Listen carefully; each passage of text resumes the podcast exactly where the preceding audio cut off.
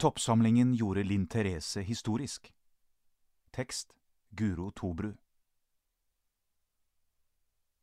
Da hun var fem år, gikk Linn Therese Helgesen, 15 år, opp sin første fjelltopp på over 2000 meter over havet. Ti år senere har hun rekord som den yngste til å gå alle Norges 377 topper over 2000 meter. Hun bestemte seg for å bli ferdig med 2000-toppsamlinga før hun begynte i tiende klasse. I begynnelsen av august pakket hun sekken, dro med familie og noen venner til Leirvassbu og slo opp teltet. Neste morgen våknet de til regnvær som heldigvis ga seg, og i løpet av dagen besteg Linn Therese toppene Langvassø på 2030 meter og Visbretinden på 2234 meter i Jotunheimen. Da ble hun rett og slett historisk. Andre har gjort det samme, men ingen har samlet alle toppene innen de er 15 år. Hvordan føles det å stå på toppen av den siste du hadde igjen på lista? Det var veldig gøy. En veldig god følelse. Men det føltes ikke så veldig annerledes enn vanlige topper. Jeg vet ikke, det er litt rart å tenke på det, sier hun. Linn Therese er vokst opp i Valdres, er omgitt av fjell og natur, og har nå også utsikt til Jotunheimen. Noen trær er hugget ned, så det er endelig åpent for fjellutsikt fra vinduet hjemme, sier hun. Det er også i Jotunheimen Galdhøpiggen, den første 2000-meteren hun gikk på, ligger. Fem år gammel gikk hun for egen maskin opp til 2469 meter over havet. Det er ganske lenge siden nå, men et minne jeg har, er at venninna mi og jeg dro pappa opp etter armene, forteller hun. Det var bare for gøy. Men å ha det gøy er jo litt av poenget med å gå på tur. Det og godteri i sekken. Ingen tur uten, sier hun. Toppjeger. Etter turen til Galdhøpiggen ballet det på seg. En rekke fjell ligger to til fire timer unna hjemstedet, og den såkalte Valdreslista inneholder 160 topper i nærområdet. Da Linn Therese var elleve år, hadde hun gått alle toppene på den lista, inkludert noen på over 2000 meter. Hun forteller at det var på denne tiden hun begynte å samle på topper, og det var på tide med et nytt, luftig mål.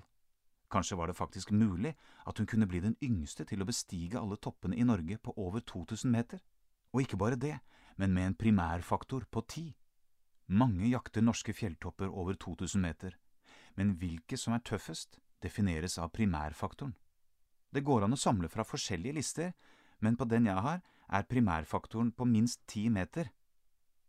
Primærfaktoren er den minste høydeforskjellen man må stige ned fra en topp før man kan komme på en høyere topp. Faktoren brukes i forbindelse med definisjonen av fjelltopper og angir hvor mye en forhøyning i terrenget må rage opp over omkringliggende terreng for å bli regnet som en selvstendig topp. Jo mindre primærfaktor, jo flere topper, skriver Store norske leksikon. Med primærfaktor på 30 må du i Norge bestige 229 fjelltopper for å nå målet. Linn Therese valgte ti meter som grense og måtte da opp i 377 stykker.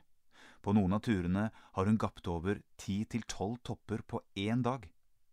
Underveis har hun hatt delmål med premier, men selv om familien, og spesielt faren, er en stor pådriver for å gå på tur, har Linn Therese selv nå fullt eierskap til prosjektet. I 2018, da det var så varmt og fint vær, besteg familien mange av de vanskeligste toppene. I 2019 nådde de 350 topper, og da var det jo bare 27 igjen i 2020. Og hvilken bedre unnskyldning trenger man for å komme seg ut enn at man er tvunget til å være i landet på grunn av korona? Trygg i høyden. For lengre tid siden enn hun kan huske, ble det satt opp klatretårn i hagen. Når man kommer opp i slike høyder og antall topper som Linn Therese, blir det mye klatring. Da må man selv kunne klatre. Man kan selvfølgelig ha med seg en guide, men man kommer seg ikke opp med mindre man kan klatre.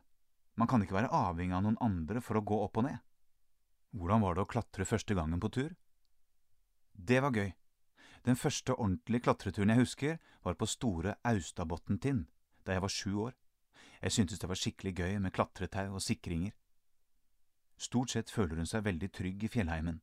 En gang iblant har hun vært redd, men det er ikke på grunn av høydeskrekk. Jeg har lite av det, men faren for at det kan komme stein ovenfra, er jo der. Det kan være folk som utløser dem, men steiner kan også løse seg ut selv. Når man lukter den kruttrøyka og hører at steinene løsner, er det litt ubehagelig. Det er ikke bra å få stein på seg. Finnes ikke dårlig vær, eller? Etter mange turer i fjellet har Linn Therese blitt god til å ta vare på seg selv, noe hun mener er en fordel i livet utenom turene også. Det har alltid vært sånn at vi passer på at det ikke går galt, men man har jo selv ansvar. Når man er supertrøtt og det er seint på kvelden, må man fortsette å gå og passe på å ikke snuble, sier hun, og tenke på om det er andre erfaringer fra fjellturene hun bruker i livet. En av fjellvettreglene er at det ikke er noen skam å snu. Den er viktig. Noen ganger er det faktisk lurt å snu, også generelt, hvis man gjør et eller annet som er veldig vanskelig, og man finner ut at man skal snu eller gi opp. Noen ganger er det greit. Hvis det er noe man selv har tenkt å gjøre, og så skjønner man at det blir for hardt, kan man vurdere å ikke gjøre det likevel. Ikke hele tiden, kanskje, men noen ganger. Det har skjedd at jeg har hatt skikkelig drittvær, og at turlysten ikke har vært på topp, men full sol er heller ikke optimalt. Regn er veldig trått å gå i, så det prøver vi å unngå. En regnskur går fint, men vi går ikke turer om det skal regne hele dagen. Egentlig er det helt greit når det ikke er så fint vær. Spesielt om våren er det slitsomt med for mye sol sammen med snøen, så da er det greit å ha litt gråværsdager også. I våres gikk vi en del turer i snøen, og det var fantastisk vær rundt påske, men det er så lett å bli solbrent når det er sol.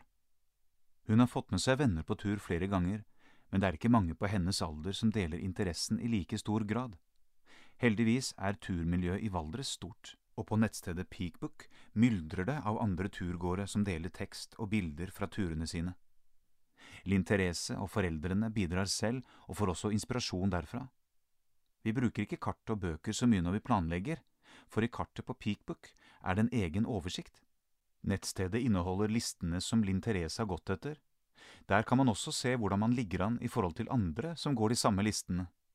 Peakbook fungerer i tillegg som en dagbok for å holde oversikt over turene man har gått. Plan for vinteren Når jeg snakker med Linn Therese, er det oktober og ikke så god sesong for fjellturer. Høstfargene kamufleres snart av et lett lag med snø. Jeg satser på å få noen fine randonee-turer når snøen kommer, sier hun. Randonee er som topptur til beins, bare med ski som gjør at du kan gå opp på de samme skiene du bruker til å kjøre ned. Å kjøre på puddersnø er noe av det beste som finnes, sier Linn Therese. Hun mener Sognefjellet på Vestlandet er et godt sted å begynne hvis man vil gå på topptur med ski. Mange går der, så man går seg ikke bort. Forholdene kan være veldig fine, og turene er heller ikke for lange, så man kan velge etter nivå, tipser hun. Valdresflyet er også veldig fint. Det er ikke så langt å gå, så der kan man gå mange forskjellige turer. Mange har begynt å gå på ski der også, sier hun. Godt med mat og drikke. Uansett årstid og vær er det noen ting Linn Therese bare må ha med på tur. Godteri, sier hun og ler. Og så må jeg ha med gode klær så jeg ikke fryser. Det spørs på årstiden hva det er. Om sommeren går jeg i shorts og T-skjorte hvis det er fint vær, om vinteren er det ull. Og det er viktig å passe på å drikke nok vann, så man ikke blir tørst. Noen ganger setter familien opp telt før de skal gå, andre ganger er det dagsturer. Når de må overnatte i telt før de går opp på en topp, setter de opp en liten basecamp og lager mat på primus. Hvis det ikke er overnatting, har vi bare niste som vi smører hjemme, eller vi har med polarbrød og smøreost og lager underveis. Nå er du ferdig med det ene målet. Hva er neste mål? Jeg har ikke noe spesielt turmål, egentlig, men jeg er veldig glad i turer der vi klatrer, og randonee-turer om vinteren. Begge deler kommer til å fortsette med, og så håper jeg å få dratt på hytteturer med venner. Ut i naturen skal hun uansett. På grunn av turene har hun blitt mer glad i den, forteller hun. Norge har utrolig fin natur. Å se soloppganger og solnedganger fra fjellet, for eksempel, er veldig, veldig fint. Fem tips til deg som vil gå på tur. Ta på klær etter vær, og fryse er ikke gøy. Gå turer du tror at du kan mestre, slik at du ikke får dårlige opplevelser. Ta med noen du liker å være sammen med på tur. Prøv forskjellige turer, ikke bare gå der du pleier. Gå gjerne litt ulike typer turer som fottur, skitur, sykkeltur, trugetur, badetur osv. Dra på overnattinger som telttur, hengekøye eller hyttetur.